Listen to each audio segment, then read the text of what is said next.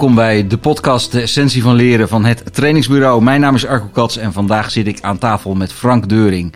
Uh, ofwel Foute Frank, zoals hij zichzelf ook wel eens uh, noemt in zijn sessies van de Foutenfabriek. Uh, Frank houdt zich bezig met het nut van fouten maken en hoe je van fouten, ja zeg maar, hij heeft, hij heeft van fouten maken gewoon zijn werk gemaakt.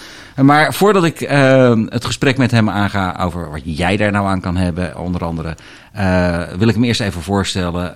Frank die begon uh, met een studie uh, Financial Services Management. Uh, en na een jaar of twee dacht hij van, toen hij zijn propenduizen binnen had, dat is het toch niet helemaal. Toen ging hij wat anders doen. toen heeft hij HRM gedaan op de Hogeschool van Amsterdam.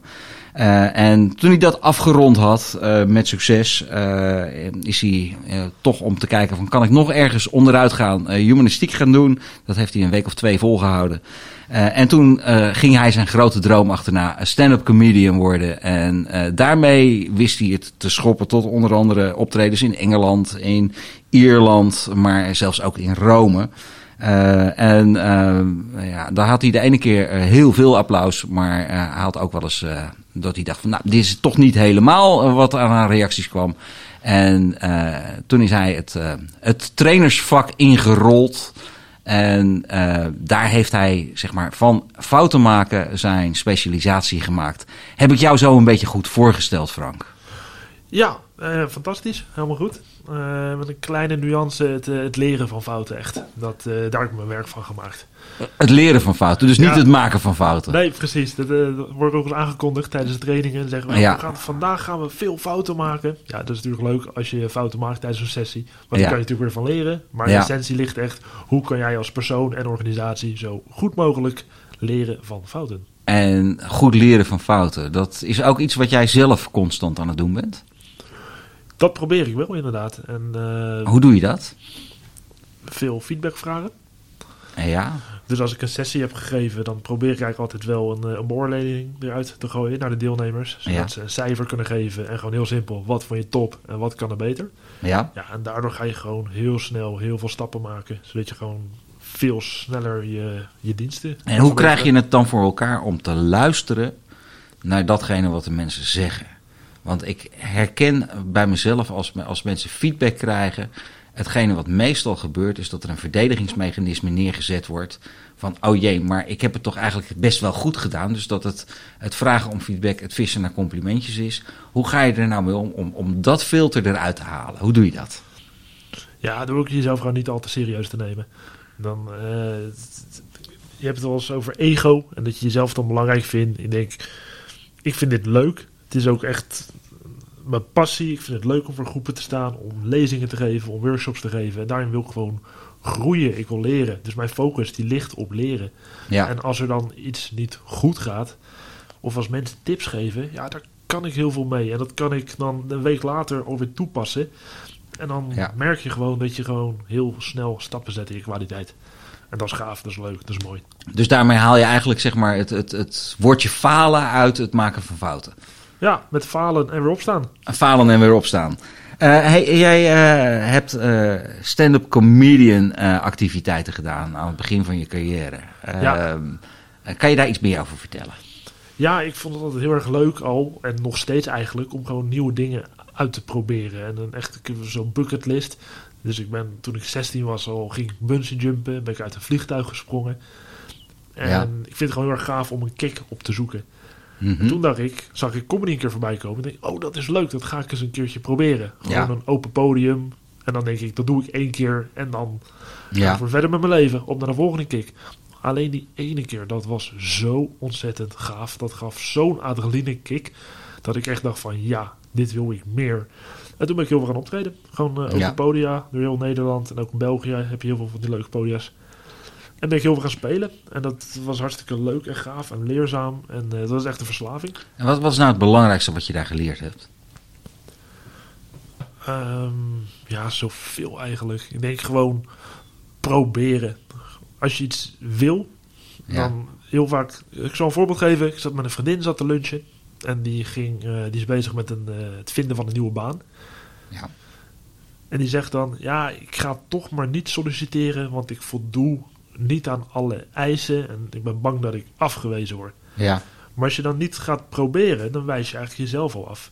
Terwijl, en het doel is vaak bij solliciteren, dat snap ik ook wel, van ja, ik wil aangenomen worden. Maar als je daardoor de stap niet neemt en je maakt het proberen belangrijk, dan kan dat gewoon heel erg helpen om in actie te komen. Ja, en zie je ook nog niet dat, dat zeg maar als mensen het doel neerzetten van ik wil aangenomen worden. Volgens mij wordt dat door heel veel mensen niet als doel meegenomen, maar wordt het doel meegenomen ik wil niet afgewezen worden. Ja, precies. En dan eh, speel je eigenlijk alleen om niet te verliezen, zeg maar. Ja, en, en wat, wat voor een wedstrijd krijg je dan als er gespeeld wordt om niet te verliezen? Ja, zo veilig en eh, een beetje, beetje op safe ga je dan spelen. Ja, en is dat leuk voor het publiek? Ja, Volgens mij niet, hè? nee. Nee, hey, en eh, wat je bent in, in, eh, onder andere in Engeland geweest, in Ierland geweest, eh, met dat stand-up co- comedy. Wat, wat, wat gebeurt er dan in zo'n zaal? Kan je dat eens Ja, dus beschrijven? wat gewoon gaaf is, is dat zeker als je buiten Nederland gaat spelen, Ja. is dat het publiek is daar gewoon veel enthousiaster. Dus Ja. als je in Engeland het podium opkomt, eh, dan heb je meteen al dat je het dak eraf speelt, omdat daar de basis lag, die is bijna al hoger dan een keiler lag in Nederland. Ja, En je hebt daar ook eh, een fenomeen dat heet de Gong Show. ja, Dat is dan weer next level. Eh, als je in Nederland bij een open podium gaat spelen, heb je gewoon standaard 5, 8 of 10 minuten. Maar als je bij zo'n gongshow gaat spelen, Ja. dan heb dat is in de Comedy Store in Londen, dan heb je dan 400 mensen zitten in die zaal. Echt heel gaaf is dat. En als het publiek jou dan niet leuk vindt, dan gaan ze boer roepen. Drie mensen hebben dan een rode kaart. En als die rode kaart omhoog gaat, dan word je gewoon te gong geslagen, moet je wegwezen. ja, Dus dat is gaaf. Dat geeft weer een extra dimensie, of, eh, dimensie aan die adrenaline, aan die kick. ja. Want je moet gewoon vechten. En Ja. eh, je, moet die, je moet die zaal gewoon plat spelen. Ja. En dat, dat heb ik toen... Dat is ook weer mooi. Daar heb ik ook weer van geleerd. Want de eerste keer was ik na 1 minuut 10 was het eh boe, rode kaart, wegwezen. ja. Maar ik heb die avond wel heel goed gekeken van... Ja, hoe werkt dit nou? Hoe, hoe- wat moet ik wel doen? Wat moet ik niet doen? Nou, dan ben ik een jaartje aan de slag gegaan in Nederland gewoon ja. ben ik een jaar terug, later ben ik teruggegaan. En toen heb ik het wel gered. Dus je moet vijf minuten volhouden. ja. En als je vijf minuten volhoudt, dan ga je zeg maar door naar de finale. En, en eh, dan ben je heel erg gaan kijken naar de details van je verhaal. Van, van, van hoe, eh, wat moet ik nou doen? Want je, je hebt het over bijschaven. Een Ja. jaar daarmee aan de slag gegaan. Ja. Ehm, wat, wat zijn de details geweest waar je op gefocust hebt, waarvan jij zegt van nou, die hebben het verschil gemaakt? ja, twee dingen eigenlijk. Eén was inhoudelijk. Je moet eigenlijk zo, gewoon zoveel mogelijk grappen achter elkaar zetten. Dus eh, op het moment dat je een grap maakt, dan kun je da- daarna nog twee, drie, vier grappen maken over hetzelfde onderwerp. Ja, Dus je moet een hoge frequentie hebben. En je moet eigenlijk je improvisatie al een beetje voorbereiden. Dat klinkt Mhm. misschien gek, maar op het moment dat ze boel beginnen te roepen, moet je gewoon een hele scherpe comeback hebben. En als je dan die erin gooit, dan heb je ze weer voor je gewonnen. En dan kan je weer verder. en wat doe je met de kennis die je daar opgedaan hebt in, in je huidige vak? Ja, ontzettend veel eigenlijk. Ik zeg ook wel eens, eigenlijk zou je als je als sprekers of trainers of als je een workshop, workshop geeft, zou je eh, gewoon eens een keer dat moeten proberen. Gewoon stand-up comedy. Omdat je er zoveel van leert. En wat leer je daarvan? Bijvoorbeeld eh, een regel is bij comedy, zeker als je net begint, is als je opkomt, is dat je jezelf een beetje in de maling neemt. Dus dat je jezelf een beetje te kakken zet, dat je wat grapjes over jezelf maakt. Ja, En dat je jezelf dus ook kwetsbaar opstelt. En Mhm. vanuit daar creëer je een verbinding met het publiek. En Ja. dan eh, heb je de sympathie, zeg maar. Dan vinden ze jou aardig. En dan kan je verder gaan op de inhoud. En is dat, is dat overal hetzelfde eh, dat dat gebeurt? Dat je die sympathie door jezelf wat. eh, ja, Wat bedoel je maar- met overal? Eh, nou, ik kan me voorstellen dat dat in, in, in Nederland op een bepaalde manier speelt, maar dat het in Engeland misschien weer net even anders is. Of Nou ja, in de ene beetje- sector wat anders is dan in de andere sector. Nee, daar zie ik niet echt heel veel verschil in. Wat ik gewoon merk, wat eigenlijk de, de, de bottom line is, is dat als je jezelf kwetsbaar opstelt. Ja, Dus ik begin altijd mijn sessie ook met gewoon een paar dingen delen die ik zelf fout heb gedaan. ja. Dan krijg je sympathie van mensen. Dan vinden ze je aardig. En vanuit daar kan je dan verder aan je boodschap werken. Wat zouden leiders in organisaties daar, daarmee moeten doen? Ja, dat topvraag. Dankjewel. Ja. Ik, eh, wat je heel erg ziet als het gaat om het leren van fouten in organisaties, is dat mensen, wat heel erg goed werkt, is leiders het goede voorbeeld geven. Dus dat ze zichzelf kwetsbaar opstellen, dat ze uitspreken dat het oké is dat je fouten mag maken, dat ze willen dat je fouten, dat je daarvan kan leren. Mhm. Dus bijvoorbeeld, eh, als je in dienst komt in een organisatie, dan zou het tof zijn als je in je introductieperiode, als je dan bijvoorbeeld een moment hebt dat de directeur of directrice, dat hij of zij zich uitspreekt over het maken van fouten en daarbij ook gewoon heel concreet een fout deelt. Ja. Ik heb het heel vaak in eh, workshops of lezingen, dan vraag ik ook gewoon, is er iemand uit de directie die de sessie wil aftrappen? Ja. Dus dan zetten we iemand uit de raad van bestuur voor de zaal. En die vertelt dan: Oké, dit heb ik allemaal fout gedaan. eh, en dit, dit heb ik geleerd. En dat wens ik voor jullie ook. Ja, dan gaat zo'n sessie ook gewoon twee keer zo hard. En ehm, zit hem dat er dan ook in dat, dat je eh, op het moment dat je bewust bent van dingen die fout gaan, eh, om daar lering uit te trekken, dat je dan dus gewoon veel sneller gaat dan dat je bang bent om de fouten te maken, of vooral bang bent dat de fouten ontdekt worden. Ja, zeker. Ik heb altijd de metafoor van eh, als je je fouten onder het tapijt schuift, Ja, ja. dan krijg je een hele grote bobbel. En dan ga je struikelen. Dus dan ga je gewoon even plat gezegd op je mel. ja, Terwijl als je fouten op tafel legt, als je ze deelt, ja, dan kun je veel sneller leren. Ga je beter presteren. Het is goed voor je innovatie. Het is goed voor je creativiteit, voor de sfeer. Eh, dus dan ga je gewoon echt vliegen. Dan ga je veel sneller. Maar hoe komt het dan toch dat dat, dat, dat zo'n zo'n drama is voor mensen om dat te leren? Ja, er zijn een aantal dingen die daarin terugkomen. Eén is dat we, als je het gewoon echt een beetje vanuit een breder perspectief kijkt, is dat we zijn gaan geloven dat we zelf verantwoordelijk zijn voor ons eigen succes. 50 jaar geleden, toen had je nog veel meer geloof. En het geloof geeft regels over hoe je het leven moet leiden. Ja, Ja, nu moeten we het allemaal zelf uitzoeken. En als jij zelf verantwoordelijk bent voor je succes, ben je ook zelf verantwoordelijk voor het falen. En dat geeft heel veel prestatiedruk. En dat geeft er stress. En dat zorgt ervoor dat mensen angstig zijn om te falen. Mhm. Dus dat is één ding. Een ander ding is dat er nog steeds een managementdenken hangt vanuit wat, wat eigenlijk gewoon terug te leiden is naar de industriële revolutie. ja, Toen was angst echt een heel goed managementmiddel. ja. Want er moet er gewoon eh, lopende bandwerk moet er gedaan worden. Mhm. En dan, als je angst als managementmiddel gebruikt, gaan mensen harder werken. Alleen als je nu angst als managementmiddel gebruikt, dat slaat eigenlijk gewoon helemaal nergens meer op. Want we moeten samenwerken, we moeten creatief zijn, we moeten eh, innoveren. En angst zorgt er dan voor dat mensen gewoon vastlopen. En dat ze goede ideeën niet op tafel leggen.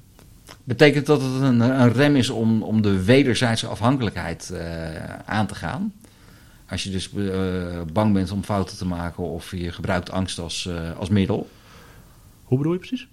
Nou, eh, ik pa- pak nog wel eens een keertje Stephen Covey erbij. eh, Mhm. En die gaat er altijd vanuit, de eerste stap is dat mensen van afhankelijkheid richting onafhankelijkheid moeten ontwikkelen. Mhm. En dan vervolgens vanuit die onafhankelijkheid naar de wederzijdse afhankelijkheid kunnen ontwikkelen. En dan kun je op gelijkwaardig niveau met elkaar communiceren. Ja. Maar eh, op het moment dat angst een, een belangrijke rol speelt, dan komt er een bepaalde vorm van afhankelijkheid in. En dat kan je als manager in stand houden, hè, door gewoon daar constant ook op in te spelen.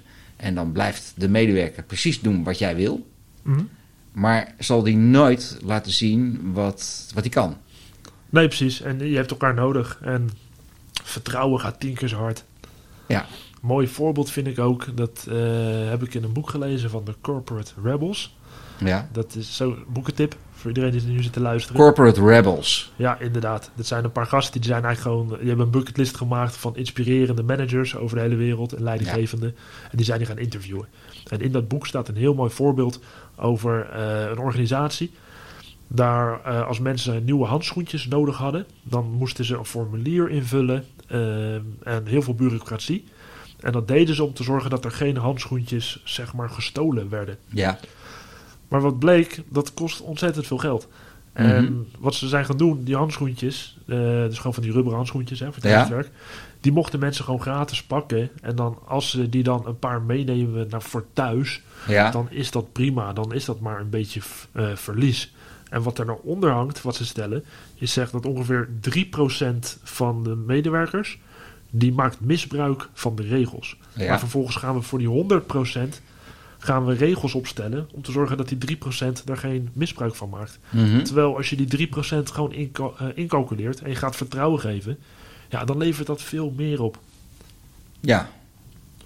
Eh, dat kan me, kan me voorstellen dat dat, eh, dat, dat een, een enorm effect heeft als mensen het gevoel krijgen, ik word vertrouwd. Ja, zeker. Dat, dat, dat- dan ga je ook gewoon toch tien keer zo hard. En dan, dan doe je dat stapje extra voor je organisatie. En Ja. Dus ja, vertrouwen dat werkt veel beter dan angst. Hey, en uh, nou ben jij ook uh, straks gast bij onze zomervrienden uh, als trainer. We hebben daar een, een programma in met onder andere theatersport wat gebruikt wordt of improvisatietheater. en jij met de, de Foutenfabriek workshop daarvan. we hebben een, een innovatiegame en we hebben iemand over storytelling. kan jij iets vertellen? wat kunnen mensen nou verwachten? als, als jij dat podium opstapt of als, je, als ze in de zaal met jou aan de slag mogen? Want is dat naar jou kijken? Ben je dan stand-up comedy aan het doen? Of gebeurt er wat anders? Dat is misschien wel een mooie mix van wat alle drie die mensen doen. Uh, Innovatie, dat is zeker een resultaat wat je neer kan zetten. Storytelling, ik gebruik heel veel verhalen en voorbeelden zo concreet mogelijk. Ja. Dat blijft lekker hangen. Theatersport, ik heb ook wat oefeningen erin zitten vanuit de theatersport. Dus je gaat improviseren en uh, merken wat dat doet met je eigen prestaties. En ja. dat, dus, uh, dat dat beter gaat. Um, ja, dus we gaan vooral leren op een leuke manier. Ik zet zeker humor ook wel in als middel, zodat mensen beter kunnen leren. Het is geen doel op zich, dus het is ook wel leuk. Dat vind ik belangrijk, want dan gaat leren Ja. veel beter. Maar ik heb vooral wat inzichten uit de luchtvaart, uit de medische wereld, uit de wetenschap. Eh, dat combineer ik dan met heel veel praktijkvoorbeelden, eh, Ja. oefeningen. Mensen gaan zelf aan de slag. Zodat je eigenlijk twee resultaten boekt. Eén, dat je als persoon wat relaxter met fouten om kan gaan. En anderzijds dat je hele concrete tools krijgt over hoe je je organisatie zo kan inrichten dat mensen open worden over fouten. Dus Nou, dat nou kan, kan ik me heel goed voorstellen dat je eh, ook heel erg gesloten gaat reageren om, om die tools weg te geven. Maar misschien is er nu één tool die je nou gewoon al zou kunnen delen. Oh, daar wil ik best heel veel over delen hoor. Dat vind ik allemaal prima. Dat, Ja. eh, ik geloof in delen, is vermenigvuldigen. Ja, Nou, wat bijvoorbeeld belangrijk is, is dat. ehm, ik denk dat we nog heel erg on- onderschatten hoe lastig het is om open te zijn over fouten. Want eh, als je open bent over fouten, dat is altijd nog. dan moet je actief iets doen. Je moet naar voren stappen en je moet zeggen: Ik heb een fout gemaakt. ja, Het alternatief is gewoon je mond houden. Gewoon Ja. niks doen. Hup, fout onder tapijt opgelost. Mhm. Dus als je wil dat mensen open zijn over fouten, moet je eigenlijk een soort systeem bouwen. Of een vaste plek of een vast moment hebben waarop mensen dus die fouten kunnen delen. ja, Bijvoorbeeld, als je kijkt hoe zorg je ervoor dat mensen minder hard gaan rijden. Nou, dan kan je flitsers ophangen. je kan borden neerzetten. Je kan een campagne voeren. Het meest effectief zijn gewoon verkeersdrempels. Want dat is een fysieke interventie waardoor mensen minder hard gaan rijden. Dus waardoor je het gedrag beïnvloedt. ja, Als je het gaat om fouten delen, zijn er dus ook drempels. Dus die drempels moet je weghalen door een fysieke plek of een vast moment te creëren waarop je fouten kan delen. Dat kan bijvoorbeeld zijn dat je een wekelijkse blog hebt. ja, Een wekelijkse blog waarin mensen hun fouten delen. Ik heb meerdere klanten die hebben dat. eh, dus bijvoorbeeld in een wekelijkse nieuwsbrief of gewoon een blog. En het mooie is, dan maak je ook het leermoment tijdloos. Want als ik in een team zit met 20 mensen en we hebben een vergadering op dinsdagmiddag en ik zeg: hey, ik heb een fout gemaakt. Super, dan leren we op dat moment ervan. ja, Maar een week later is de helft het misschien weer vergeten. Als je het vastlegt in een blog, dan kan je het een week later. Ik vind, ik vind dit wel een mooie. Wat je, wat je dus, dus zegt is van als je je momenten van, van fouten delen, zorg dat je ze ook opslaat. Ja. En dat je ze eh, een, een stukje tijdloosheid meegeeft. Ja. Waardoor ze niet nog een keer gemaakt hoeven te worden door een ander. Of waar, eh, Precies. Misschien. Het mooie is van zo'n blog, die kan je na een jaar nog een keer plaatsen. Ja, En na twee jaar nog een keer. En als je dat een jaar lang doet, dan heb je 52 blogs. Voilà, een boek. dan heb je een boek. En dat boek geef je weer aan mensen als ze in dienst komen. Ja, Dat boek kan je een voorwoord inzetten van een eh, directeur. ja. Dus dan heb je twee vliegen in één klap. ja en dan zou, dan zou je ook nog een keertje daarvan kunnen zeggen van nou, iedere medewerker krijgt gewoon de verplichting om eh, elk jaar een hoofdstuk aan het boek toe te voegen. Ja, precies. En zo krijg je gewoon een soort, soort encyclopedie. Ja, En het leuke is, als je dan eh, zo'n boek hebt, fysiek, als iemand dan een fout maakt, dan kan je iemand daar een corrigerende tik mee uitdelen. ja. Een corrigerende tik. Ja, dus kan je Het- iemand even, even fysiek uithalen. Hey, nou, nou, nou hebben we het over, over fouten, maar volgens mij zijn er ook hele verschillende soorten fouten, of niet? Ja, zeker. Eh, wat ik zelf altijd neerzet, vanuit de foutfabriek ook, is dat eh, je moet echt heel erg kijken naar de intentie van een handeling. Ja, En niet zozeer naar de uitkomst. Dus eh, waarmee heeft iemand dus een fout gemaakt? Wat Ja. was de intentie? Want dan kan je veel beter beoordelen wat het gedrag daarachter was. Ja, en zijn we daar niet vaak veel te snel in om daarin te oordelen? Oh ja, zeker weten. Daarom is uh, de verwondering, hè, het is een kernwaarde van het trainingsbureau. Verwondering is zo ontzettend mooi. Ja. Ehm, ik kan wel een voorbeeld delen wat een keer van eh, Anita van Veen, die ook Ja. eh, zomervriend is. Zo- Ja. Nee, zomergast. Zo, nee, zomervriend. Zomervri- Gast bij onze zomervrienden. ja. Ja, ik maak ook vrouwenfouten. gelukkig Eh, wel. Anita die vertelde een keer een heel mooi verhaal wat zij meegemaakt heeft als manager. Ja, Eh, zij had een medewerker en die kwam elke keer eh, een beetje te laat of die, die was er niet bij. En zij deed toen de aanname van je bent niet gefocust en het interesseert je niet. En die confronteerde haar toen eh, daarmee, die Ja. medewerker. En die brak helemaal. Die begon te huilen en die was helemaal overstuur. En wat bleek nou? Die persoon die had een, eh, een kindje thuis zitten met leukemie. ja, Nou, logisch dat je er dan niet bij bent. Dus zij is toen daarmee in gesprek gegaan. Ze hebben gekeken van hoe kan ik jou helpen om zo goed mogelijk je werk te doen. En eh, Mhm. dat is toen veel beter gegaan. En dat kindje is gelukkig genezen. Dat is allemaal goed gekomen. Maar zij deed toen heel erg een aanname van ja, je bent niet betrokken. Ja, Terwijl zij de verwondering had ingezet van joh, ik heb het idee, je idee dat je niet zo lekker presteert.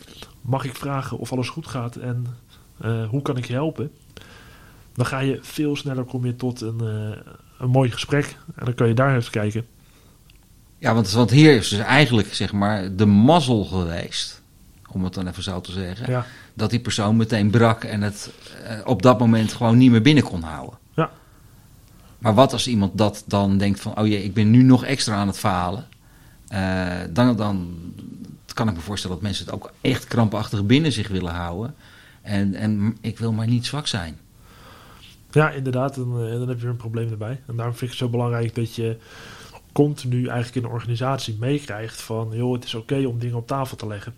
En Ja. dat, begint met gewoon heel simpel. Het is goed om fouten te delen, maar het Ja. gaat veel dieper. Hoeveel organisaties hebben niet onwijs goede ideeën? Mhm. Dus als mensen een goed idee hebben, dan wil, ik dat ze, of dan wil je dat ze dat op tafel leggen. Maar je wilt ook dat ze een slecht idee op tafel leggen. Want als je zes slechte ideeën keihard afwijst, dan Ja. komt dat ene goede idee nooit op tafel. Ja, dit gaat mooi. Deze tafel die heeft een, eh, een, een heel mooi stukje dat hij dat die reageert op het moment dat je er... eh, Ik zat Eh, even op de tafel te ja, slaan. en daar zit de microfoon aan vast. ja. Ja, mo- mooi om, eh, want hoe krijgen we het nou voor elkaar? En dat is, dat is voor mij ook altijd een vraag. Hoe krijgen we het nou voor elkaar dat mensen, als ze ergens mee zitten, sneller de neiging hebben om dat op tafel te leggen? Dat doe je door heel veel te oefenen en door eh, goed te reageren op dingen daarvoor. Dat kan al heel erg klein zijn. Mhm. Dus je kan feedback vragen aan iemand. Wat vind je hiervan? En dan, dan bedank je iemand voor die feedback. En dan zeg je dankjewel, ik, eh, je kan dit ermee. Maar ook als iemand een keer iets kwetsbaar deelt, eh, spreek je waardering uit. Mhm. Dus iemand geeft een fout toe. Die zegt, hé, hey, ik heb een fout gemaakt. Nou, dan zeg je dankjewel, wat fijn dat je dit deelt. Ik vind het dapper. Dus je gaat het delen koppelen aan iets positiefs. ja, Dus je bent dapper, je bent een fijne collega. Ik vind het getuigen van lef. Ik vind het getuigen van moed. Mhm. Want dan maak je een nieuwe koppeling aan in de mensen hun hoofd, zeg maar. Nou, nou eh, merk ik ook, ik werk zelf eens samen met mensen en dan ben je aan het, eh, ben je gefocust om ergens naar een doel toe te gaan. Mhm. En dan zit er altijd wel zo'n sukkel in je team die eh, iets laat afweten waardoor jij je resultaat niet haalt. Ja, Hoe kan ik dan iemand bedanken voor het delen van zijn eerlijkheid? Want ik baal er dan gigantisch van Ja. dat dat resultaat niet gehaald wordt. Hè? Dus eh, ehm, hoe, ja, dat, dat, welke stap moet ik dan zetten? ja, dat kan je ook gewoon eh, uitspreken. Maar dan wel op het proces en nooit op de persoon. Dus eh, iemand die vertelt, joh, ik heb dit en dit niet gelukt. En vanwege dit en dat. Ja, dan mag je best boos worden, want dan gaat het weer om die intentie. Ja, Dus ik kijk heel erg tijd, hoe kan het dus dat mensen een fout hebben gemaakt? Nou, ja, als het vanuit een goede intentie is, dan moet je iemand belonen voor het toegeven. Maar als iemand vanuit een laksheid het doen, ja, dan mag je best een beetje boos worden. En dat is wel een mooie laksheid. Want, maar hoe kan ik dan beoordelen of het laksheid is? Ehm, vanuit je eigen waarneming, maar ook gewoon eh, vragen. En als iemand dat toegeeft, Ja? dus dan je waardeert. Dan geeft iemand het toe en dan ga ik hem alsnog eventjes in elkaar slaan. Nou, dan geef je waardering voor de openheid, maar dan Ja. ga je wel eh, daarna in gesprek over dat dat niet de normen en waarden zijn die jullie stellen met z'n allen. Of je gaat vragen van, ja, maar wat zit daar dan weer onder? Ja, Want misschien is iemand laks vanuit, eh, gaat het privé niet goed, misschien is de functie zo moeilijk. Mhm. Ik krijg ook wel eens de vraag van, ja, maar als iemand nou vijf keer dezelfde fout maakt, mag ik dan wel een keer boos worden? Dan denk ik, ja, maar als er vijf keer iets fout gaat, dan zit er ook in jouw organisatie iets niet goed. Ja. Ja, dat, dat zit natuurlijk altijd op, op zowel proces als intentie, als op eh, vaardigheid, middelen. eh, wat is er allemaal aanwezig om het ook goed te kunnen doen? Ja, precies. Want misschien maakt, waarom maakt iemand vijf keer dezelfde fout? Hoe, hoe kan dat? Wat, wat is de functie te moeilijk? Gaat er privé iets niet goed? Eh, Heeft hij de middelen niet? Eh, Ja. eh, er zijn natuurlijk een heleboel. Heb je, heb je de tijd er niet voor gehad, bijvoorbeeld? En, en die vragen stellen, dat durven te stellen. Ja. Maar dat betekent ook als manager dat je dan ook kwetsbaar naar jezelf moet kijken. Om te kijken van, en maar ik heb ook een rol daarin. Ja, zeker. En wat dan ook heel erg belangrijk is, is vooral dat je het gesprek gaat over wat er dan precies fout gaat, in plaats van dat je focust op wie het fout heeft gedaan. Dat is ook wel een mooie. Want wat je vaak ziet is dat er gaat wat fout en dan is het wie heeft dit gedaan? Mhm. Ja, dan nodig je mensen niet uit om open te zijn. En terwijl, oké, nou wij werken met z'n tweeën, er is wat fout gegaan. Dan denk ik, nou, Arco heeft het fout gedaan of Frank heeft het fout gedaan. Nou, leuk, dan weten we dat. En dan? Ja, Dan hebben we nog steeds niet geleerd. Terwijl als we zeggen van wat is er nou fout gegaan, dan kan je veel sneller naar de oplossing en kijken wat er dan geleerd is. Nou, we, krijgen natuurlijk ook die, eh, de, de voorbeelden mee uit de politiek en zo. Dat op het moment dat een. eh, eh, wie is er verantwoordelijk? Eh, de kop moet er vanaf. Dat is Ja. wel een beetje zo'n standaard. die we vrijwel dagelijks in het nieuws op ons afkrijgen. Ja, en het is heel schadelijk ook. Ik heb meerdere gemeentes en andere overheidsorganisaties als klant. Ja, Ja, en die geven dat ook aan van ik vind het lastig om fouten te maken, want dat werkt weer naar boven. En dan, eh, en de juridische consequenties die eraan vasthangen. ja, precies. Eh, hey Frank, we kunnen hier nog echt heel lang over doorgaan. Maar ik had de intentie om eh, ergens om en nabij de 25 minuutjes voor deze podcast te hebben. Mhm. We zitten nu al aan de 27 minuten. Zo. Dus Heftig. tijd gaat echt beren snel op het moment dat het een mooi onderwerp eh, Mhm. bevat. Heb jij nog iets, een, een, laatste uitsmijter voor de mensen die naar deze podcast luisteren? Eh, mooi vind ik altijd. Dat is, eh, die krijg ik altijd terug. Die onthouden mensen altijd. Er kwam een tijdje geleden iemand terug en die eh, tegen. En die had ik drie jaar geleden, geleden een workshop gegeven. Ja, En dan vroeg ik, joh, wat weet je nog? En toen zeiden ze, ja, het woordje nog. Zo, het woordje nog. Ik zal het even uitleggen voor de luisteraars. Heel vaak dan zeggen we tegen onszelf van, ja, dat kan ik niet. Of dat is nou eenmaal mijn niveau. Als je daar het woordje nog in zet, dan zeg je dus, ik kan het nog niet. Of ik kan, en dit is nog mijn niveau. En dat is dan heel mooi de stap van niet naar wel. Dus dan, hoe krijg je mensen in de leerstand? ja, Dat wil je denk ik als organisatie ook. Als jij een medewerker hebt en die zegt, joh, ik kan dit niet. Zeg je, ja, kan je het niet of kan je het nog niet? Want dan ga je denken van, wat is de oplossing? Wat moet ik doen om dit te leren? ja. En soms wordt die negatief uitgelegd. Dus dan zeggen mensen van, ja, ik heb nog een baan. Ik heb nog een vrouw. Ik heb eh, nog een huis. ja. Ja, dat kan ook natuurlijk. Ik kan het nog niet. ja, ja, dus de intentie daarvan is natuurlijk ook een hele, hele belangrijke. eh, Vertrouwen hebben in dat, eh, dat het elke dag een stapje beter kan.